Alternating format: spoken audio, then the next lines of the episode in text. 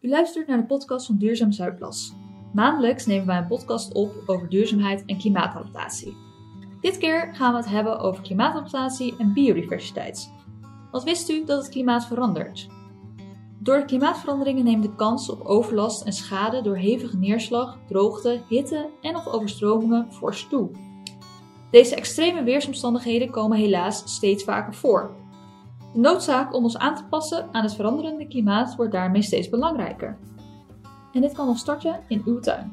Bijvoorbeeld door tegels te vervangen door groen. Wij schakelen nu live over naar Sanne Geers van de gemeente Zuidplas. Zij gaat in gesprek met Suze Peters, tuinontwerpster en schrijfster. Welkom Suze Peters, hartstikke leuk dat je er bent. Um, ik heb begrepen dat je sinds 2002 uh, werkzaam bent als tuinontwerpster en schrijfster. En dat je gespecialiseerd bent in het ontwerpen, inrichten en beplanten van natuurlijke tuinen.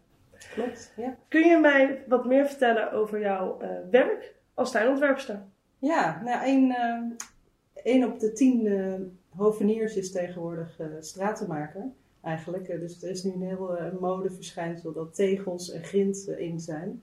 En um, ik ben eigenlijk meer van de beplanting. Dus als tuinontwerper uh, uh, weet ik dat er uh, voor elke plant, weet ik dat er voor elke plek een plant is. En dat je dus eigenlijk in je tuin het hele jaar door iets leuks kunt neerzetten wat bloeit. En waar in de herfst mooie kleuren of in de winter leuke dingen gebeuren, mooie silhouetten. Dus eigenlijk is dat, ja, echt met beplanting werk ik.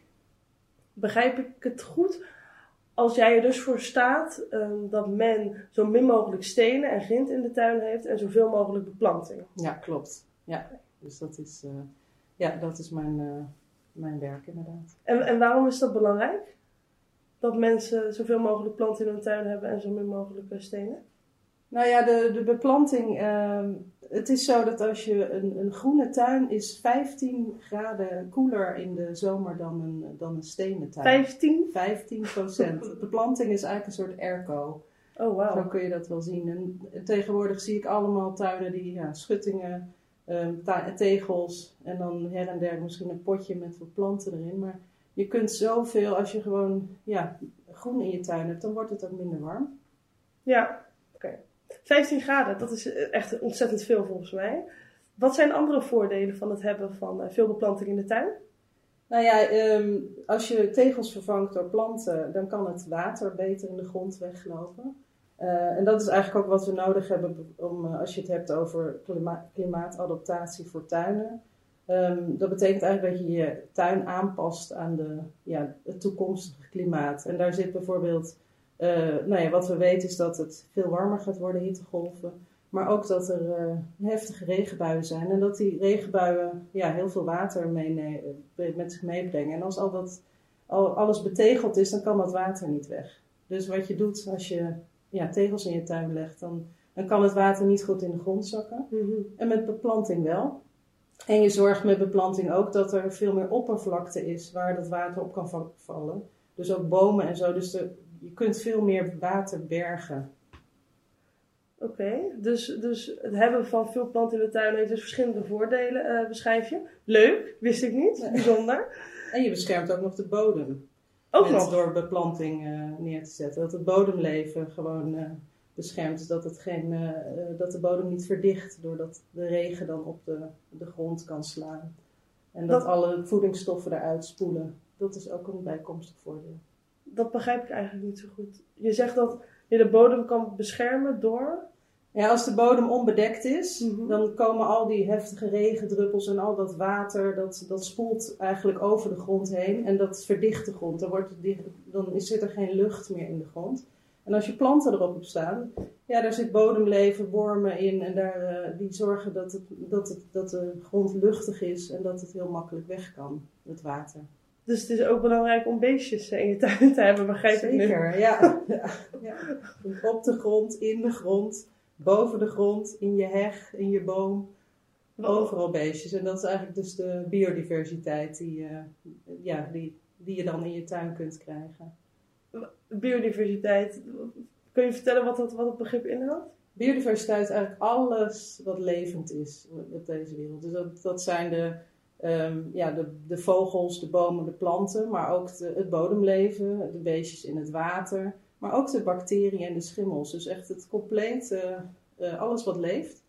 En eh, dat heeft dus allemaal met elkaar te maken. En het is ook afhankelijk van elkaar. Dus als je één ding ja, doodmaakt, of, en dat, dat merken we dus, dat het slecht gaat met de biodiversiteit, omdat er stukken wegvallen, waardoor dus andere organismen of andere beestjes, andere planten geen, ehm, geen eten meer hebben en dan dus ook niet verder kunnen leven. Dus het is een web. Oké, oké. ik hoor je zeggen dat het, dat het niet goed gaat in de met de biodiversiteit hier in uh, Nederland. Dat klinkt niet zo goed. en, wat houdt dat in? Heb jij oorzaken waarom, hoe dat, dat komt, dat het niet goed gaat met de biodiversiteit? Uh, nou, omdat we dus heel veel uh, gif gebruiken en nou, er zijn verschillende oorzaken. Ook de CO2-uitstoot, ja, daar is het nieuws natuurlijk volop. ja. Um, maar wat belangrijker is, is dat je dus eigenlijk, als we het even naar de tuin kijken, ehm, daar kun je gewoon een aantal maatregelen nemen, waardoor je dus ja, de biodiversiteit in je tuin kunt, kunt stimuleren eigenlijk. Kunt zorgen dat je... Zoals? Um, nou, belangrijk is dus om uh, in ieder geval geen kunstmest te gebruiken bijvoorbeeld. Want dat doodt dus het bodemleven. En ehm, andere is geen gif gebruiken. Dus nou ja, de tuincentra staan vol met allemaal bussen die je kunt gebruiken. Ja, precies. Dus het is, het is toegestaan. Mensen denken dan, ja, maar het is toch, ja. je kunt het toch kopen, dus dan mag het toch. Maar ja, de manier waarop je het gebruikt, er staan een heleboel kleine lettertjes. En als je kijkt, zul je ook allerlei giftekentjes staan van waar het allemaal niet goed voor is.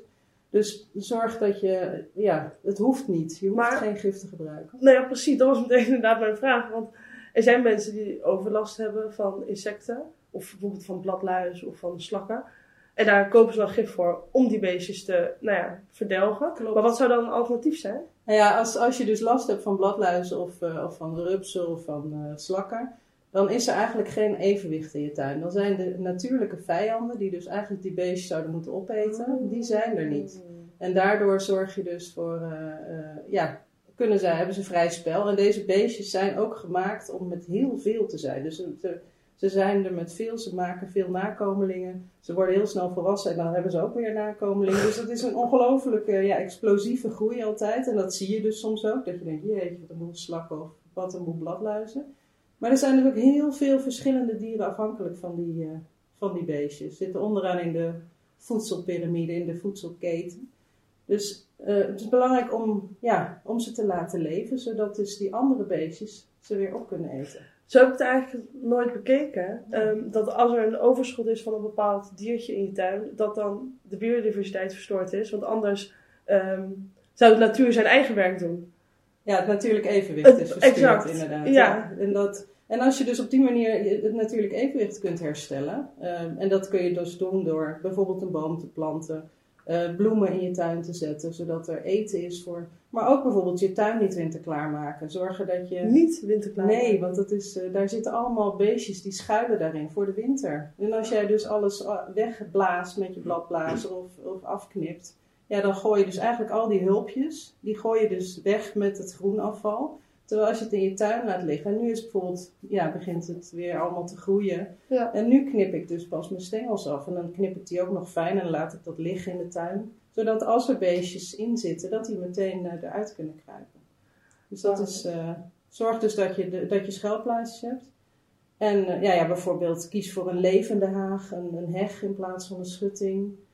als je kunt, kun je een vijvertje. Dat, ik heb nu zelf een metselkuip in mijn vijver, in mijn mhm. tuin ingegraven. Zelfs dat is al, trekt alweer andere beestjes aan. En, en, ja. Kikkers, denk ik. Kikkers. Kikkers zijn bijvoorbeeld, en padden zijn heel goed om uh, slakken uh, te bestrijden, die eten slakken. Maar bijvoorbeeld als je blaadjes laat liggen, dan zitten er ook duizendpoten in en, en loopkevers. En die eten de slakken eitjes. Dus weet je, een slak wordt meestal alleen maar gezien als een grote slak. Maar al die verschillende stadia daarvoor, daar zitten ook alweer allemaal kleinere organismen die ook afhankelijk zijn van, van die slak en, en eitjes. Dus dat is even een voorbeeld van hoe dat, ja, hoe ingenieus het eigenlijk allemaal in elkaar steekt. En, uh, En hoe wij dus denken als mensen van ja, we zetten er gewoon even een, uh, we leggen wat slakkenkorrels. Of, en het kan best dat je dan biologische slakkenkorrels kiest, die dan zogenaamd geen, uh, ja, geen niet belastend zijn voor, het, voor de bodem, omdat ze niet giftig zijn. Maar je bent wel ander eten aan het wegnemen voor andere dieren. Ja. En dat is dus de biodiversiteit die dus van elkaar allemaal afhankelijk is. Ja. Dus, nou ja, volgens mij heb je al best wel wat mooie tips gegeven over hoe uh, de inwoners van Zuidplas uh, de biodiversiteit in hun uh, tuin kunnen um, vergroten. nou ja, en herstellen. Niet alleen vergroten, maar ook herstellen, denk ik in veel ja. gevallen. Um, heb je misschien ook tips van hoe de inwoners in Zuidplas um, hun tuin kunnen, klimaatadaptief kunnen inrichten? Ja, belangrijk is, is dus denk ik dat je een, een boom plant. Daar blijf ik op hameren. Ook omdat een boom bijvoorbeeld weer een heel nieuw. Um, uh, of weet het, dat is op de grond heb je dan een, een, plek waar beesten kunnen leven, maar in een boom ook. En in een boom kunnen weer vogels schuilen, die mm. dus ook weer rupsjes en slakjes eten, weet je. Dus het is, dat, dat is gewoon extra. Je vergroot daarmee je, je, ja, je oppervlakte en dan van je tuin. Nog een specifieke boom? Oh, dat maakt niet dat uit. Maakt niet uit. Dat maakt helemaal niet uit. Gewoon een boom. Dus heb je ook je schaduw en je hebt je biodiversiteit. Dus boom is. Uh, en laat hem alsjeblieft staan als die in je tuin staat. Want ik, echt, ik, oh, ik woon in Moordrecht en er worden zoveel bomen afge, omvergezaagd. Laat ze staan. Dat, dat zijn gewoon hele. Dat zijn hele eco ecosystemen die gewoon omverge. Huppakee, met één zaag is alles weg. En er zit ja, een heleboel leven in. Maar ik kan me op zich wel voorstellen dat het voor mensen wel lastig is om, om een boom te onderhouden. Want een boom groeit. En niet iedereen heeft de tools en um, de zin ook, denk ik, om nou ja, een boom van misschien wel 4, 5 meter, om die te snoeien.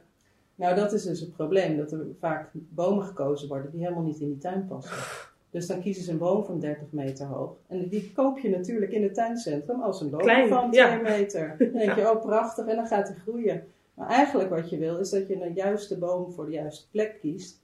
En er zijn een heleboel leuke bomen van 2, 3 meter of, of zelfs 4, 5. Weet je. Dan heb je ook gewoon de, de buren aan de overkant uit het zicht. Je hebt je schaduw als je hem goed plaatst. Ja, en dat is dus mijn werk als tuinontwerper om daarin te adviseren. Maar um, ja, dus die boom is eigenlijk het belangrijkste. Nou, dan is dus inderdaad vervang tegels uit uh, door groen als dat kan. Ik zeg altijd, als ergens onkruid groeit op een pad, dan loop je daar niet genoeg. Dus dan blijkt ook dat eigenlijk dat pad er wel uit kan. Het kan smaller, het kan kleiner. Dat zie je ook in het openbaar groen. Dat vind ik echt een goeie. Ja. Dat ga ik onthouden. Als er um, um, dus onkruid groeit op een pad, dan loop je blijkbaar niet genoeg op het Nee, pad. dan is dat pad dus, Dus blijkbaar niet... eh, nou ja, hoeft niet helemaal eruit, maar het kan veel smaller of het kan op een andere manier. Je kunt kiezen voor een waterdoorlaatbare bestrating, waardoor ook het water weg kan. Eh, er zijn tegels met, met doorwater, maar je kunt ook bijvoorbeeld grind kiezen wat, of, of, een, eh, of een split of zo. Maar kies iets wat, eh, Wat ja, los is. wat los is waar water doorheen kan. Dus dan, dan zou je eerder grind adviseren dan stenen, dus begrijp ik. Ja, voor een pad. Maar goed, soms kan het inderdaad, eh, ja, moet je met een karretje of met, en dan is grind weer niet handig. Dus eh daar Ja. kun je kiezen. En belangrijk is ook om water, regenwater op te vangen in de tuin. Mhm. Ehm, en als je dan kijkt, dat kan dus door, eh, door een regenton te plaatsen bij je regenpijp. Eh, dus om sowieso voor je eigen, je kunt dan dat water gebruiken. Maar eigenlijk wat nog mooier is, is dat je, als je, eh, dat je de regenpijp ook afkoppelt. En er zijn steden waar dat op een gegeven moment ook verplicht wordt. Dat je dus al het water wat op jouw dak valt, op jouw eigen terrein, in jouw eigen tuin moet opvangen. Ik weet niet of Zuidplas dat al gaat doen, maar dat zou, dat, ik denk dat dat wel de toekomst wordt. En dan zul je dus moeten zorgen dat je plek hebt waar dat water dus de, ja, de grond in kan. En, ehm, En wat zou daarvoor dan een plek zijn waar het water de grond in kan? Want ik neem aan dat als je heel veel water eh, in één keer afvoert, dan wordt het daar drassig en modderig. En... Nee, daar moet je dus inderdaad voor zorgen dat dat, eh, dat, dat heet een wadi. Dan maak je een soort plek, een soort dik, eh, een diepere kuil waar, dus, eh, waar het water in opgevangen wordt. Of in een vijver. Of, ehm, maar goed, je kunt dus eigenlijk door gewoon het al in je tuin te laten lopen. Ik heb geen wadi in mijn tuin, maar ik heb wel dat het gewoon mijn tuin inloopt. Ja, en dat, daar zijpelt het gewoon eh, doorheen. En het wordt pas drassig als je bodem gewoon niet bedekt is. En als je dus als het verdicht is. Maar als je gewoon je bodemleven, je wormen goed op gang hebt, dan, dan is dat gewoon een mooie, ja, luchtige bodem die het allemaal ook uh, op kan nemen en dus ook kan bufferen. Dus ook in de droge tijden hebben je planten dan niet nodig uh, dat er bewaterd worden. Want dat zie ik ook heel veel, dat mensen gewoon allemaal aan het... Met het Ja, met regen, met, met drinkwater zijn ze aan, het, uh, aan het sproeien. Ja. En dat hoeft eigenlijk helemaal niet. Planten, als je dat doet, dan ben je eigenlijk aan het, ja, net als wij een infuus krijgen, dan hoeven we ook niks te doen. Terwijl als je, als je planten ietsje langer laat, uh, ja, laat wennen aan die droogte, zeker volwassen planten. Kijk, nieuwe aanplant moet je wel uh, water, geven. water, geven. Maar anders gaan die planten gewoon met hun wortels dieper op zoek naar het water wat in de bodem zit. Oké, okay. wauw. Ik heb je al superveel tips horen geven over hoe men de tuin klimaatadaptief kan inrichten, maar ook hoe men de biodiversiteit kan vergroten. Ik heb je ook al even horen praten over het gebruik van geen gif in de tuin. Wat is het belang van een gifvrije tuin? Ja, het is, uh, het is de week van het water. Dus uh, gif is, we hebben al gezien dat dat slecht is voor het leven in je tuin, maar ook voor ja, het doodje beestjes. Maar het is ook voor jezelf als tuineigenaar is het ook slecht. Je bent, uh, er zijn steeds meer onderzoeken dat het kankerverwekkend is, hormoonverstorend.